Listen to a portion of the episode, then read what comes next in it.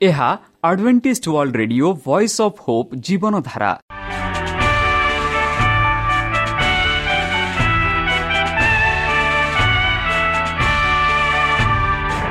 Odia radio କାର୍ଯ୍ୟକ୍ରମ ଯାହା ଆମର ଆନ୍ତର୍ଜାତୀୟ ଆଘାତ କେନ୍ଦ୍ରରୁ ପ୍ରସାରଣ କରାଯାଉଛି ପ୍ରତିଦିନ ରାତି ନଅଟା ତିରିଶ ମିନିଟ୍ରେ।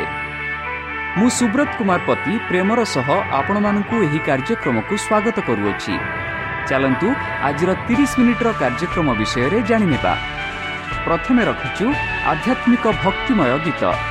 ଏହାପରେ ଶୁଣିବା ସ୍ୱାସ୍ଥ୍ୟ ବିଷୟରେ ଯାହା ଆମର ଦୈନିକ ଜୀବନରେ ଅତ୍ୟନ୍ତ ଜରୁରୀ। ଆଉ ପରିଶେଷରେ ଶୁଣିବା ପରମେଶ୍ୱରଙ୍କ ଭକ୍ତଙ୍କଠାରୁ ଜୀବନଦାୟକ ଈଶ୍ୱରଙ୍କ ବାକ୍ୟ। ପ୍ରିୟ ଶ୍ରୋତା ତାହେଲେ ଚାଲନ୍ତୁ ଶୁଣିବା ଏକ ଆଧ୍ୟାତ୍ମିକ ଭକ୍ତିମୟ ଗୀତ।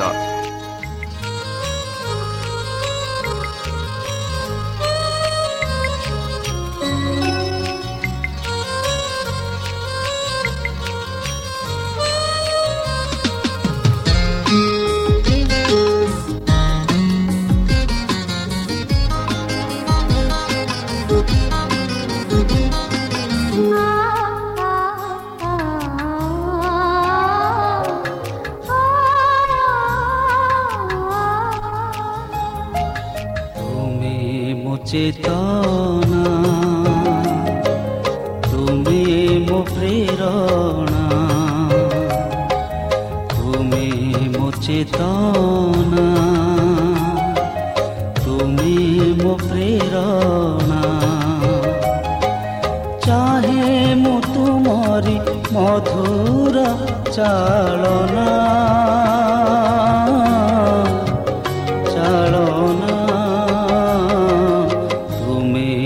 ଚେତନା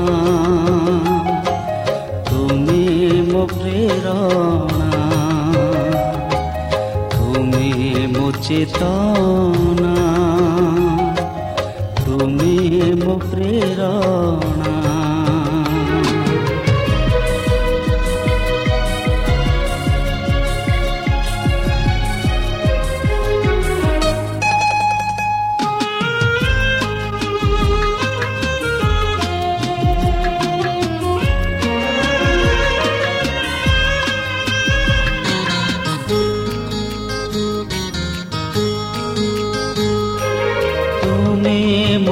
ଗୀତର ସୁର ଛନ୍ଦଲୟ ମୋ ମନ ଦିଗନ୍ତେ ନବ ସୂର୍ଯ୍ୟୋଦୟ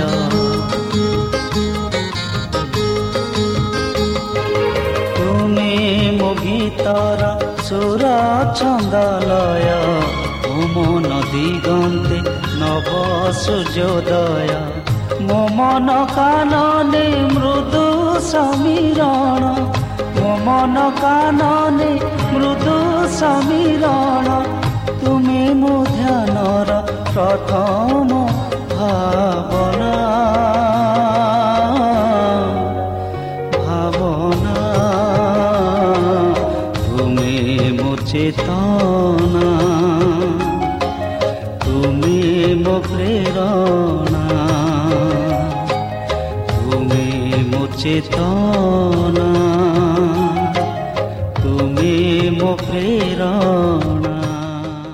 ଆପଣଙ୍କର ମତାମତ ଜଣାଇବା ପାଇଁ ଆମର ଏହି ଠିକଣାରେ ଯୋଗାଯୋଗ କରନ୍ତୁ। ଆମ ଠିକଣା Adventist media centre SDA mission compound Salisbury Park Pune ଚାରି ଏକ ଏକ ଶୂନ ତିନି ସାତ ମହାରାଷ୍ଟ୍ର। ବା ଖୋଲନ୍ତୁ ଆମର ୱେବସାଇଟ୍ ଯେକୌଣସି Android phone smartphone desktop laptop କିମ୍ବା ଟ୍ୟାବ୍ଲେଟ୍ ଆମର website W W W dot A W R dot O R G slash O R I ଏବଂ W W W dot advantage media centre India dot O R G ବର୍ତ୍ତମାନ ଚାଲନ୍ତୁ ଶୁଣିବା ଈଶ୍ୱରଙ୍କ ଭକ୍ତଙ୍କଠାରୁ ଈଶ୍ୱରଙ୍କ ଜୀବନଦାୟକ ବାକ୍ୟ ମାଠିର ପ୍ରସ୍ତୁତି ନମସ୍କାର ପ୍ରିୟ ଶ୍ରୋତା ସେହି ସର୍ବଶକ୍ତି ସର୍ବଜ୍ଞାନୀ ପ୍ରେମର ସାଗର ଦୟାମୟ ଅନ୍ତର୍ଜମୀ ଅନୁଗ୍ରହ ପରମ ପିତାଙ୍କ ମଧୁର ନାମରେ ମୁଁ ପାଷ୍ଟ ପୌନଚନ୍ଦ୍ର ଆଉ ଥରେ ଆପଣମାନଙ୍କୁ ଏହି କାର୍ଯ୍ୟକ୍ରମରେ ସ୍ୱାଗତ କରୁଅଛେ। ପ୍ରିୟ ଶ୍ରୋତା ସେହି ସର୍ବଶକ୍ତି ପରମେଶ୍ୱର ଆପଣମାନଙ୍କୁ ଆଶୀର୍ବାଦ କରନ୍ତୁ।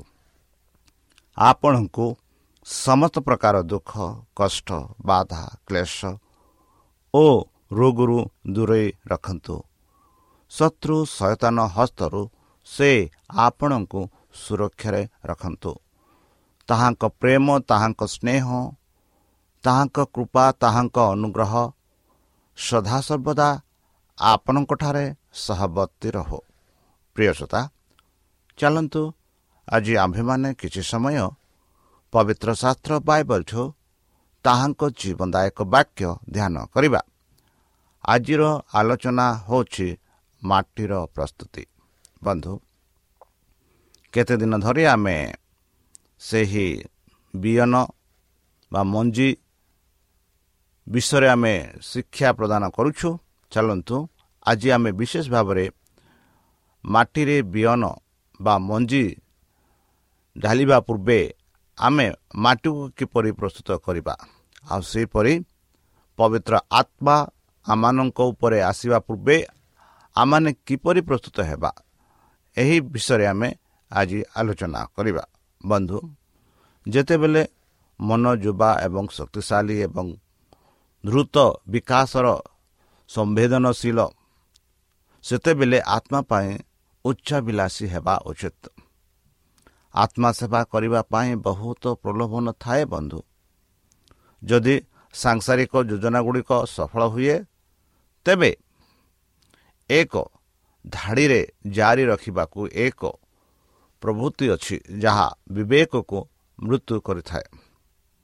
ଏବଂ ଚରିତ୍ରର ପ୍ରକୃତ ଉତ୍କୃଷ୍ଟତା କ'ଣ ତାହା ସଠିକ ଆକଳନକୁ ରୋକିଥାଏ। ଯେତେବେଳେ ପରିସ୍ଥିତି ଏହି ବିକାଶକୁ ସମର୍ଥନ କରେ ଅଭିବୃଦ୍ଧି ଈଶ୍ୱରଙ୍କ ବାକ୍ୟ ଦ୍ୱାରା ନିଷେଧ ଦିଗରେ ଦେଖାଇ ଯାଇଥାଏ। ବନ୍ଧୁ ସେମାନଙ୍କ ପିଲାମାନଙ୍କ ଜୀବନର ଏହି ଗଠନମୂଳକ ଅବଧିରେ ପିତାମାତାଙ୍କ ଦାୟିତ୍ୱ ବହୁତ ଭଲ। ଯୁବକମାନଙ୍କୁ ସଠିକ ପ୍ରଭାବ ପ୍ରଭାବ ସହିତ ଘରିବା ସେମାନଙ୍କ ଅଧ୍ୟୟନ ଦେବା ଉଚିତ ଯାହା ସେମାନଙ୍କ ଜୀବନର ସଠିକ ଦୃଷ୍ଟିକୋଣ ଏବଂ ଏହାର ପ୍ରକୃତ ସଫଳତା ହେବ। ବନ୍ଧୁ ଏହା ପରିବର୍ତ୍ତେ କେତେ ପିତାମାତା ସେମାନଙ୍କ ପିଲାମାନଙ୍କ ପାଇଁ ସାଂସାରିକ ସମୃଦ୍ଧି ପାଇଁ ସୁରକ୍ଷିତ କରିବା ସେମାନଙ୍କ ପ୍ରଥମ ବସ୍ତୁ କରିଥାନ୍ତି। ସେମାନଙ୍କର ସମସ୍ତ ସଂଗଠନ ଏହି ବସ୍ତୁର ସନ୍ଦର୍ଭରେ ମନୋନୀତ କରିଥାନ୍ତି। ବନ୍ଧୁ ଅନେକ ପିତାମାତା କିଛି ବଡ଼ ସହରରେ ନିଜ ଘର ତିଆରି କରନ୍ତି ଏବଂ ସେମାନଙ୍କ ପିଲାମାନଙ୍କ ସେହିପରି ଫ୍ୟାସନରେ ସମାଜର ପରିଚିତ କରିଥାନ୍ତି। ବନ୍ଧୁ ଆମେ ଆଜିକାଲି ବି ଦେଖୁଛୁ। ଏହା ସାଧାରଣ ଭାବରେ ଆମେ ଦେଖୁଛୁ। ବନ୍ଧୁ ସେମାନେ ସେମାନଙ୍କୁ ପ୍ରଭାସ ସହିତ ଘେରି ରୁହନ୍ତି ଯାହା ବିଶ୍ୱରେଖା ଏବଂ ଗର୍ବକୁ ଉତ୍ସାହିତ କରିଥାଏ। ଏହି ବାତାବରଣରେ ମନ ଏବଂ ଆତ୍ମା ବାମନ ହୋଇଯାଏ। ଜୀବନର ଉଚ୍ଚ ଏବଂ ମହାନ ଲକ୍ଷ୍ୟ ହଜିଯାଇଛି ବନ୍ଧୁ ଅନନ୍ତକାଳର ଉଦ୍ଧାରିକାରୀ ଈଶ୍ୱରଙ୍କ ପୁତ୍ର ହେବାର ସୌଭାଗ୍ୟ ସାଂସାରିକ ଲାଭ ପାଇଁ ବାର୍ତ୍ତ ହୋଇଥାଏ। ବନ୍ଧୁ ଅନେକ ପିତାମାତା ସେମାନଙ୍କ ମନୋରଞ୍ଜନ ପ୍ରେମକୁ ସନ୍ତୋଷ ଦେଇ ସେମାନଙ୍କ ପିଲାମାନଙ୍କର ସମ୍ମୁଖ ପ୍ରୋତ୍ସାହିତ କରିବାକୁ ଚେଷ୍ଟା କରିଥାନ୍ତି। ସେମାନେ ସେମାନଙ୍କୁ କ୍ରୀଡ଼ାରେ ଜଡ଼ିତ ହେବାକୁ ଏବଂ ଆନନ୍ଦର ପାର୍ଟିରେ ଯୋଗ ଦେବାକୁ ଅନୁମତି ଦିଅନ୍ତି ଏବଂ ପ୍ରଦର୍ଶନ ଏବଂ ଆତ୍ମା ସନ୍ତୁଷ୍ଟ ମୁକ୍ତ ଭାବରେ ବ୍ୟବହାର କରିବାକୁ ସେମାନଙ୍କୁ ଟଙ୍କା ପ୍ରଦାନ କରିଥାନ୍ତି। ଆନନ୍ଦର ଇଚ୍ଛା ଯେତେ ଅଧିକ ଲିପ୍ତ ହେବ ଏହା ସେତେ ଶକ୍ତିଶାଳୀ ହେବ। ଏହି ଯୁବକମାନଙ୍କ ଆଗ୍ରହ ମନୋରଞ୍ଜନ ଅଧିକରୁ ଅଧିକ ଅଭଶୋଧିତ ଯେପର୍ଯ୍ୟନ୍ତ ସେମାନେ ଏହାକୁ ଜୀବନର ମହାନ ବସ୍ତୁ ଭାବରେ ଦେଖିବା ପାଇଁ ଆସନ୍ତି ସେମାନେ ନିଷ୍କ୍ରିୟାତ ଏବଂ ଆତ୍ମା ପ୍ରଲୋଭନର ଅଭ୍ୟାସ ଗଠନ କରନ୍ତି। ଯାହା ସେମାନଙ୍କ ପାଇଁ ସ୍ଥିର ଖ୍ରୀଷ୍ଟିଆନ ହେବା ପ୍ରାୟ ଅସମ୍ଭବ କରିଥାଏ। ଏପରିକି ଚର୍ଚ୍ଚ ଯାହା ସତ୍ୟର ସ୍ତମ୍ଭ ଏବଂ ଭୂମି ହେବା ଉଚିତ ତାହା ସେମାନେ କରିନଥାନ୍ତି। ଆନନ୍ଦର ସ୍ୱାର୍ଥପର ପ୍ରେମକୁ ଉତ୍ସାହିତ କରୁଥିବା ଦେଖିବାକୁ ମିଳିଥାଏ।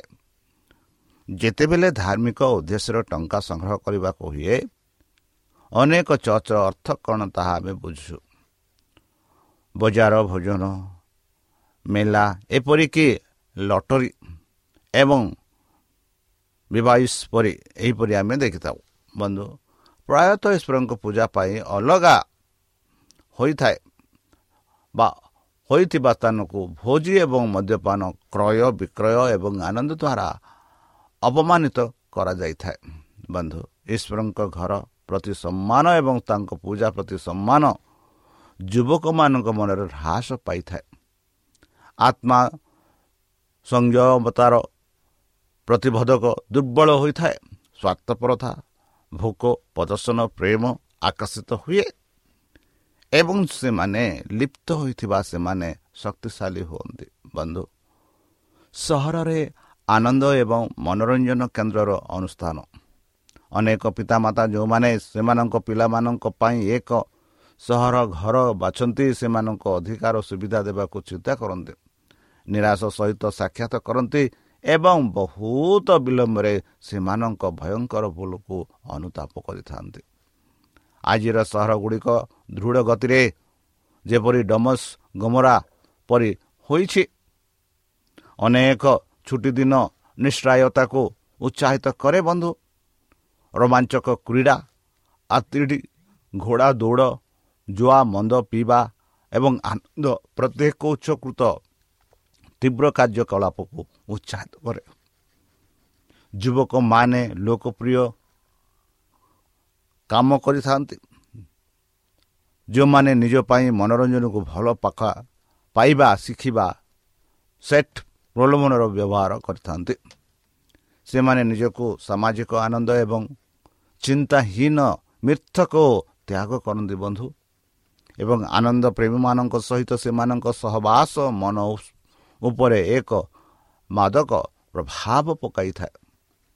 ସେମାନଙ୍କୁ ଗୋଟିଏ ପ୍ରକାର ବିଚ୍ଛିନ୍ନତା ଅନ୍ୟ ରୂପକୁ ନେଇଥାଏ। ଯେପର୍ଯ୍ୟନ୍ତ ସେମାନେ ଉପଯୋଗୀ ଜୀବନ ପାଇଁ ଉଭୟ ଇଚ୍ଛା ଏବଂ କ୍ଷମତା ହରାଇ ନାହାନ୍ତି ସେମାନଙ୍କ ଧାର୍ମିକ ଆକାଂକ୍ଷା ଥଣ୍ଡା ସେମାନଙ୍କ ଆଧ୍ୟାତ୍ମିକ ଜୀବନ ଅନ୍ଧକାରରେ ରହିଥାଏ। ଆତ୍ମାର ସମସ୍ତ ସମ୍ଭ୍ରାନ୍ତ ଅଧ୍ୟାପକ ଯାହା ମଣିଷକୁ ଆଧ୍ୟାତ୍ମିକ ଦୁନିଆ ସହିତ ସଂଯୋଗ କରେ ଯାହା ଅପମାନନା କରାଯାଏ।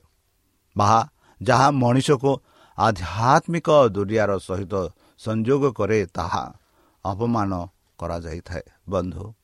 ଏହା ସତ୍ୟ ଯେ କେତେକ ସେମାନଙ୍କର ମୂର୍ଖତା ଏବଂ ଅନୁତାପ ଦେଖିପାରନ୍ତି।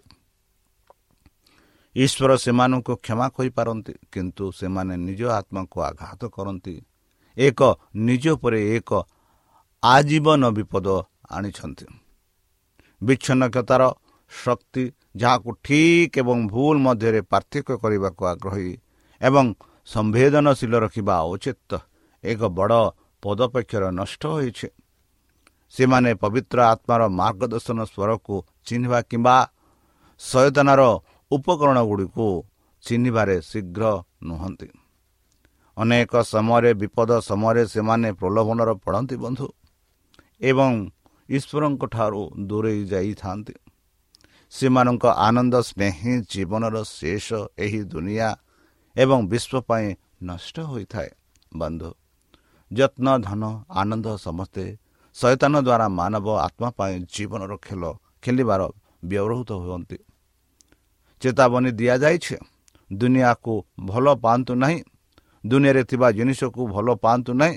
ଯଦି କୌଣସି ବ୍ୟକ୍ତି ଦୁନିଆକୁ ଭଲ ପାଆନ୍ତି ତେବେ ପିତାଙ୍କ ପ୍ରେମ ତାଙ୍କ ମଧ୍ୟରେ ନାହିଁ ବୋଲି ଆମେ ବାଇବଲରେ ପାଉଅଛୁ। ଦୁନିଆରେ ଯାହା ଅଛି ମାଂସର ଲୋଭ ଏବଂ ଆଖିର ଲୋଭ ଏବଂ ଜୀବନର ଗର୍ଭ ପିତାଙ୍କ ଗୃହ ନୁହେଁ ବରଂ ଦୁନିଆରେ ବୋଲି ଆମେ ପାଉଅଛୁ। ବନ୍ଧୁ ସେ ଯିଏ ଏକ ଖୋଲା ପୁସ୍ତକ ଭାବରେ ପୁରୁଷମାନଙ୍କ ହୃଦୟ ପଢ଼ନ୍ତି କୁହନ୍ତି ନିଜ ପ୍ରତି ଧ୍ୟାନ ଦିଅନ୍ତୁ ନଚେତ୍ ଯେକୌଣସି ସମୟରେ ତୁମର ହୃଦୟକୁ ସମର୍ପିତ ଏବଂ ମଦ୍ୟପାନ ଏବଂ ଏହି ଜୀବନର ଯତ୍ନ ସହିତ ଅଧିକ ଚାର୍ଜ କରାଯିବ ବୋଲି ଆମେ ପବିତ୍ର ଶାସ୍ତ୍ର ବାଇବଲରେ ପାଉଛୁ ବନ୍ଧୁ ପବିତ୍ର ଆତ୍ମା ଦ୍ୱାରା ପ୍ରେରିତ ପାଉଲ ଲେଖିଛନ୍ତି ଏହିପରି ଯଦି ଆପଣ ପ୍ରଥମ ତିବତୀ ଛଅ ନଅ ଦଶରେ ପଡ଼ିବ ସେଠି ଆମେ ପାଉଛୁ ସାଧୁପାଲ ସେମାନେ ଯାହା ଧନୀ ହେବେ ସେମାନେ ପ୍ରଲୋଭନ ଏବଂ ଏକ ଫାନ୍ଦରେ ପଡ଼ିବେ ବୋଲି ସାଧୁପାଲ କହନ୍ତି ଏବଂ ଅନେକ ମୂର୍ଖ ଏବଂ କ୍ଷତିକାରକ ଲୋଭ ପଡ଼ନ୍ତି ଯାହା ପୁରୁଷମାନଙ୍କୁ ବିନାଶ ଏବଂ ଚିରଦଣ୍ଡରେ ବୁଡ଼ାଇ ଦିଏ ବୋଲି ସାଧୁପାଲ ସ୍ପଷ୍ଟ ଭାବରେ କହୁଅଛନ୍ତି। ଅର୍ଥ ପ୍ରେମ ପାଇଁ ସମସ୍ତ ମନ୍ଦର ମୂଳ ବୋଲି ଭାବନ୍ତି। ଆମେ ପଇସାକୁ ଟଙ୍କାକୁ ପ୍ରେମ କରିଥାଉ ଆଉ ତାହା ହେଉଛି ମନ୍ଦର ମୂଳ ବୋଲି ଆମେ ପାଉଛୁ ଯାହାପରେ କେତେକ ଲୋଭନୀୟ ଥିବା ବେଳେ ସେମାନେ ବିଶ୍ୱକୁ ଭୁଲ କରିଛନ୍ତି ଏବଂ ଅନେକ ଦୁଃଖର ନିଜକୁ ବିଧ କରିଛନ୍ତି ବୋଲି ଆମେ ପାଉଅଛୁ ବନ୍ଧୁ ସ୍ୱୟର ସମଗ୍ର ଦୃଷ୍ଟିରେ ଖ୍ରୀଷ୍ଟ ମାଟି ଉପରେ ନିର୍ଭର କରି ବୁଣିବାର ବିଭିନ୍ନ ଫଳାଫଳକୁ ପ୍ରତିନିଧିତ୍ୱ କରନ୍ତି। ସେହି ବୁନାନୀ ଯାହା ଆମେ ଦେଖୁଛୁ ସେହି ବୁନାରୀ ଦୃଷ୍ଟାନ୍ତରେ ଖ୍ରୀଷ୍ଟ ମାଟି ଉପରେ ନିର୍ଭର କରି ବୁଣିବାର ବିଭିନ୍ନ ଫଳାଫଳକୁ ପ୍ରତିନିଧିତ୍ୱ କରନ୍ତି। ପ୍ରତ୍ୟେକ କ୍ଷେତ୍ରରେ ସେହି ବୁଣାଣି ଏବଂ ମଞ୍ଜି ସମାନ।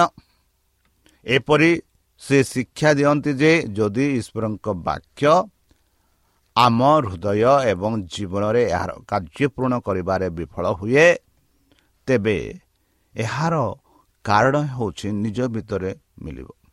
କିନ୍ତୁ ଫଳାଫଳ ଆମ ନିୟନ୍ତ୍ରଣ ବାହାରେ ନୁହେଁ। ସତ ଆମେ ନିଜକୁ ପରିବର୍ତ୍ତନ କରିପାରିବୁ ନାହିଁ। କିନ୍ତୁ ପସନ୍ଦର ଶକ୍ତି ଆମର ଏବଂ ଆମେ କ'ଣ ହେବା ତାହା ସ୍ଥିର କରିବା ଆମ ଉପରେ ନିର୍ଭର କରେ। ମନେ ରଖନ୍ତୁ ବନ୍ଧୁ ଆମର ନିର୍ଣ୍ଣୟ ଆମର ଶକ୍ତି ଏବଂ ଆମ କ'ଣ ହେବା ତାହା ସ୍ଥିର କରିବା ଆମ ଉପରେ ନିର୍ଭର କରେ।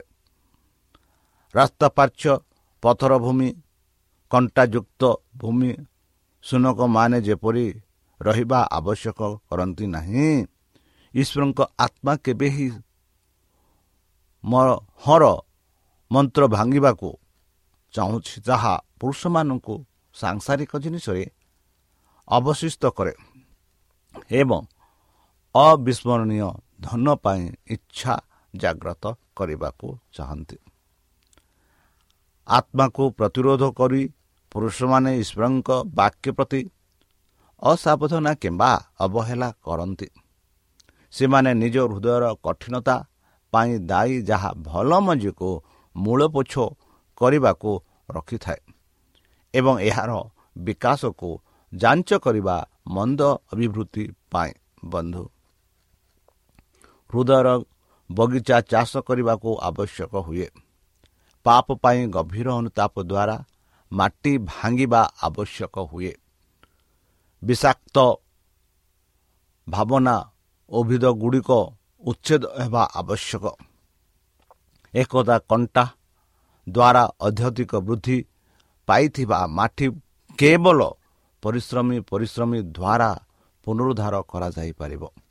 ତେଣୁ ପ୍ରାକୃତିକ ହୃଦୟ ବନ୍ଧ ପ୍ରଭୃତି କେବଳ ଯୀଶୁଙ୍କ ନାମ ଏବଂ ଶକ୍ତିରେ ଆନ୍ତରିକ ପ୍ରଶାସ ଦ୍ୱାରା ପ୍ରାୟସ ଦ୍ୱାରା ଦୂର ହୋଇପାରିବ। ପ୍ରଭୁ ଆମକୁ ତାଙ୍କ ଭବିଷ୍ୟତ ଭକ୍ତାଙ୍କ ଦ୍ୱାରା ଭିଡ଼ କରନ୍ତି। ତୁମର ପୋଲ ଗ୍ରାଉଣ୍ଡକୁ ବା ତୁମର ମାଟିକୁ ଭାଙ୍ଗି ଦିଅ ବୋଲି କହନ୍ତି ଏବଂ କଣ୍ଟା ମଧ୍ୟରେ ବୁଣ ନାହିଁ ବୋଲି କହନ୍ତି। ଧାର୍ମିକତାର ନିଜକୁ ବୁଣନ୍ତୁ ଦୟାରେ କାଟନ୍ତୁ। ଏହିପରି ଆମେ ଜେରିମିଅ ଚାରି ତିନି ହସିଅ ଦଶ ବାରରେ ଆମେ ଏହିପରି ପାଉଅଛୁ। କି ଧାର୍ମିକତାରେ ନିଜକୁ ବୁଣ ଦୟାରେ କାଟନ୍ତୁ ବୋଲି। ଏହି କାର୍ଯ୍ୟରେ ଆମ ପାଇଁ ହାସଲ କରିବାକୁ ଚାହାନ୍ତି ଏବଂ ସେ ଆମକୁ ତାଙ୍କ ସହିତ ସହଯୋଗ କରିବାକୁ ଚାହାନ୍ତି। ସେହି ଯୀଶୁପ୍ରଭୁ ପରମେଶ୍ୱର ବନ୍ଧୁ ସୁସମାଚାର ଗ୍ରହଣ କରିବା ପାଇଁ ହୃଦୟ ପ୍ରସ୍ତୁତ କରିବାରେ ବିହନର ସର୍ବୋତ୍ତମମାନଙ୍କର ଏକ କାର୍ଯ୍ୟ ଅଛି ବନ୍ଧୁ ମନେ ରଖନ୍ତୁ। ବାକ୍ୟ କାର୍ଯ୍ୟାଳୟରେ ଅତ୍ୟଧିକ ଉପଦେଶ ଅଛି ଏବଂ ପ୍ରକୃତ ହୃଦୟକୁ ହୃଦୟ କାର୍ଯ୍ୟ ବହୁତ କମ୍। ହଜିଯାଇଥିବା ଆତ୍ମା ପାଇଁ ବ୍ୟକ୍ତିଗତ ଶ୍ରମର ଆବଶ୍ୟକତା ଅଛି। ଖ୍ରୀଷ୍ଟଙ୍କ ପରି ସହାନୁଭୂତିରେ ଆମେ ବ୍ୟକ୍ତିଗତ ଭାବରେ ପୁରୁଷମାନଙ୍କ ନିକଟରେ ହେବା ଉଚିତ ଏବଂ ଅନନ୍ତ ଜୀବନର ମହାନ ଜିନିଷ ପ୍ରତି ସେମାନଙ୍କ ଆଗ୍ରହ ଜାଗ୍ରତ କରିବାକୁ ଚେଷ୍ଟା କରିବା ଉଚିତ। ସେମାନଙ୍କ ହୃଦୟ ପିଟା ଯାଇଥିବା ରାଜପଥ ପରି କଠିନ ହୋଇପାରେ ଏବଂ ବୋଧ ହୁଏ ତ୍ରାଣକର୍ତ୍ତାଙ୍କୁ ସେମାନଙ୍କ ପାଖରେ ଉପସ୍ଥାପନ କରିବା ଏବଂ ଆଦରକାରୀ ପ୍ରୟାସ ହୋଇପାରେ। କିନ୍ତୁ ଯେତେବେଳେ ତର୍କତକତି କରିବାରେ ବିଫଳ ହୋଇଥାଏ ଏବଂ ଯୁକ୍ତି ବିଶ୍ୱାସ କରିବାକୁ ଶକ୍ତିହୀନ ହୋଇପାରେ ବ୍ୟକ୍ତିଗତ କାର୍ଯ୍ୟାଳୟରେ ପ୍ରକାଶିତ ଖ୍ରୀଷ୍ଟଙ୍କ ପ୍ରେମ ପଥରୁ ହୃଦୟକୁ ନରମ କରିପାରେ ଯାହାଦ୍ୱାରା ସତ୍ୟର ମଞ୍ଜି ମୂଳ ହୋଇପାରିବ। ବନ୍ଧୁ ତେଣୁ ତେଣୁ ସେହି ବୁନାନୀମାନଙ୍କ କିଛି କରିବାର ଅଛି ଯେ ମାଠିର ଅଗଭୀରତା ହେତୁ ମଞ୍ଜି କଣ୍ଟାରେ ଚାପି ହୋଇନପାରେ କିମ୍ବା ନଷ୍ଟ ହୋଇନପାରେ। ଖ୍ରୀଷ୍ଟିଆନ ଜୀବନର ପ୍ରାରମ୍ଭରେ ପ୍ରତ୍ୟେକ ବିଶ୍ୱାସୀଙ୍କୁ ଏହାର ମୂଳଦୁଆ ନୀତି ଶିକ୍ଷା ଦିଆଯାଇଛି ଯିବା ଉଚିତ। ତାଙ୍କୁ ଶିକ୍ଷା ଦିଆଯିବା ଉଚିତ ଯେ ସେ କେବଳ ଖ୍ରୀଷ୍ଟଙ୍କ ବଳିଦାନ ଦ୍ୱାରା ବଞ୍ଚିବାକୁ ନୁହନ୍ତି ବରଂ ସେ ଖ୍ରୀଷ୍ଟଙ୍କ ଜୀବନ ଏବଂ ଖ୍ରୀଷ୍ଟଙ୍କ ଚରିତ୍ରକୁ ତାଙ୍କ ଚରିତ୍ରରେ ପରିଣତ କରିବାକୁ ଯାଉଛନ୍ତି। ବନ୍ଧୁ ସମସ୍ତଙ୍କୁ ଶିକ୍ଷା ଦିଆଯାଉ ଯେ ସେମାନେ ଭାର ବହନ କରିବାକୁ ଏବଂ ପ୍ରାକୃତିକ ପ୍ରଭୃତିକୁ ଅସ୍ୱୀକାର କରିବାକୁ ପଡ଼ିବ। ଖ୍ରୀଷ୍ଟଙ୍କ ପାଇଁ କାମ କରିବାର ଆଶୀର୍ବାଦ ଶିଖନ୍ତୁ। ତାଙ୍କ ଆତ୍ମା ଅସ୍ୱୀକାରରେ ଅନୁସରଣ କରନ୍ତୁ ଏବଂ ଭଲ ସୈନିକ ଭାବରେ କଠିନତା ସହ୍ୟ କରନ୍ତୁ। ସେମାନଙ୍କୁ ତାଙ୍କ ପ୍ରେମ ଉପରେ ବିଶ୍ୱାସ କରିବାକୁ ଏବଂ ତାଙ୍କ ଯତ୍ନ ନେବାକୁ ଶିଖିବାକୁ ଦିଅନ୍ତୁ। ତାଙ୍କ ପାଇଁ ଆତ୍ମା ଜିତିବାର ଆନନ୍ଦ ସେମାନଙ୍କୁ ସ୍ୱାଦ ଚାକିବାକୁ ଦିଅ। ହଜିଯାଇଥିବା ଲୋକ ପ୍ରତି ସେମାନଙ୍କ ପ୍ରେମ ଏବଂ ଆଗ୍ରହରେ ସେମାନେ ଆତ୍ମଦୃଷ୍ଟି ହରାଇବେ। ଦୁନିଆର ଆନନ୍ଦ ଆକର୍ଷିତ କରିବାର ଶକ୍ତି ହରାଇବ ଏବଂ ଏହାର ଭୋଜ ନିରାଶଜନକ ହେବ ସତ୍ୟର ହଳ ଅଂଶ ଏବଂ କାର୍ଯ୍ୟ କରିବ। ଏହା ଆମେ ଦେଖୁଅଛୁ। ବନ୍ଧୁ ଯେପରି ଭଲ ଭୂମିରେ ଭଲ ମାଟିରେ ଭଲ ଜାଗାରେ ଯଦି ସେଇ ମଞ୍ଜି ପଡ଼ିବ ଯେପରି ସେ ବୁଣାଣି ସର୍ବଦା ନିରାଶ ସହିତ ସାକ୍ଷାତ କରିବା ନୁହେଁ ବନ୍ଧ ବରଂ ସେ ବି ଆମମାନଙ୍କୁ ଉଦାହରଣ ଦେଉଛନ୍ତି କେତେ ମଞ୍ଜି ଭଲ ଭୂମିରେ ପଡ଼ିଲେ। ଆଉ ଯେଉଁ ମଞ୍ଜି ଭଲ ଭୂମିରେ ପଡ଼ିଥିବା ମଞ୍ଜି ମଧ୍ୟରୁ ତ୍ରାଣକର୍ତ୍ତା କହିଛନ୍ତି ଯେ ସେ ହିଁ ବାକ୍ୟକୁ ସାହସ କରନ୍ତି ବୋଲି। ଏବଂ ଏହାକୁ ବୁଝନ୍ତି ଯେ ଯାହା ଫଳକୁ ମଧ୍ୟ ଶାଢ଼ୀ କରେ ଏବଂ ଆଣେ ପ୍ରାୟ ଶହେ ଗୁଣ ପ୍ରାୟ ଷାଠିଏ ଗୁଣ ପ୍ରାୟ ତିରିଶ ଗୁଣ। ଭଲ ଭୂମିରେ ସେମାନେ ଅଛନ୍ତି ଯାହା ଏକ ସଚୋଟ ଏବଂ ଭଲ ହୃଦୟ ବାକ୍ୟ ଶୁଣିବା ପରେ ଏହାକୁ ରଖନ୍ତୁ ଏବଂ ଧୈର୍ଯ୍ୟରେ ସହିତ ଫଳ ଆଣନ୍ତି। ଫଳ ଆଣନ୍ତି। ବନ୍ଧୁ ସଚୋଟ ଏବଂ ଭଲ ହୃଦୟ ଯାହାର ଦୃଷ୍ଟ କରିଥାଏ ପାପ ବିନା ହୃଦୟ ନୁହେଁ କାରଣ ସୁସମାଚାର ହଜିଯାଇଥିବା ଲୋକଙ୍କୁ ପ୍ରଚାର କରାଯିବା। ଖ୍ରୀଷ୍ଟ କହିଲେ ମୁଁ ଧାର୍ମିକମାନଙ୍କୁ ଡାକିବାକୁ ଆସିନାହିଁ ବରଂ ପାପୀମାନଙ୍କୁ ଅନୁତାପ କରିବାକୁ ଆସିଥିବି ଏହିପରି ଆମେ ଦେଖୁଅଛୁ ଖ୍ରୀଷ୍ଟଙ୍କ ବାକ୍ୟ ଦ୍ୱାରା ମାର୍କ ଦୁଇ ସତରରେ। ତାଙ୍କର ଏକ ସଚୋଟ ହୃଦୟ ଅଛି ଯିଏ ପବିତ୍ର ଆତ୍ମାର ବିଶ୍ୱାସକୁ ଅମଳ କରେ। ସେ ନିଜ ଦୋଷ ସ୍ୱୀକାର କରନ୍ତି ଏବଂ ଈଶ୍ୱରଙ୍କ ଦୟା ଏବଂ ପ୍ରେମର ଆବଶ୍ୟକତା ଅନୁଭବ କରନ୍ତି। ସତ୍ୟ ଜାଣିବାକୁ ତାଙ୍କର ଆନ୍ତରିକତା ଇଚ୍ଛା ଅଛି। ଯେ ସେ ଏହାକୁ ମାନିପାରନ୍ତି ଭଲ ହୃଦୟ ହେଉଛି ସେ ବିଶ୍ୱାସ ହୃଦୟ ଯାହା ଈଶ୍ୱରଙ୍କ ବାକ୍ୟ ଉପରେ ବିଶ୍ୱାସ କରେ। ବିଶ୍ୱାସ ବିନା ବାକ୍ୟ ଗ୍ରହଣ କରିବା ଅସମ୍ଭବ ବୋଲି ଏଭ୍ରି ପୁସ୍ତକରେ ଆମେ ପାଉଅଛୁ। ସେ ଈଶ୍ୱରଙ୍କ ନିକଟକୁ ଆସିଥିବା ନିଶ୍ଚିତ ଭାବରେ ବିଶ୍ୱାସ କରିବେ ଯେ ସେ ଅଛନ୍ତି ଏବଂ ସେ ସେମାନଙ୍କ ମଧ୍ୟରୁ ଜଣେ ପୁରସ୍କାର ଦାତା ଯାହା ତାଙ୍କୁ ନିଷ୍ଠାର ସହିତ ଖୋଜନ୍ତି ବୋଲି ଆମେ ହିବ୍ରି ଏଗାର ଛଅରେ ପାଉଛୁ। ବନ୍ଧୁ ଏହା ହେଉଛି ସେ ବାକ୍ୟର ସାହସ କରନ୍ତି ଏବଂ ଏହାକୁ ବୁଝନ୍ତି।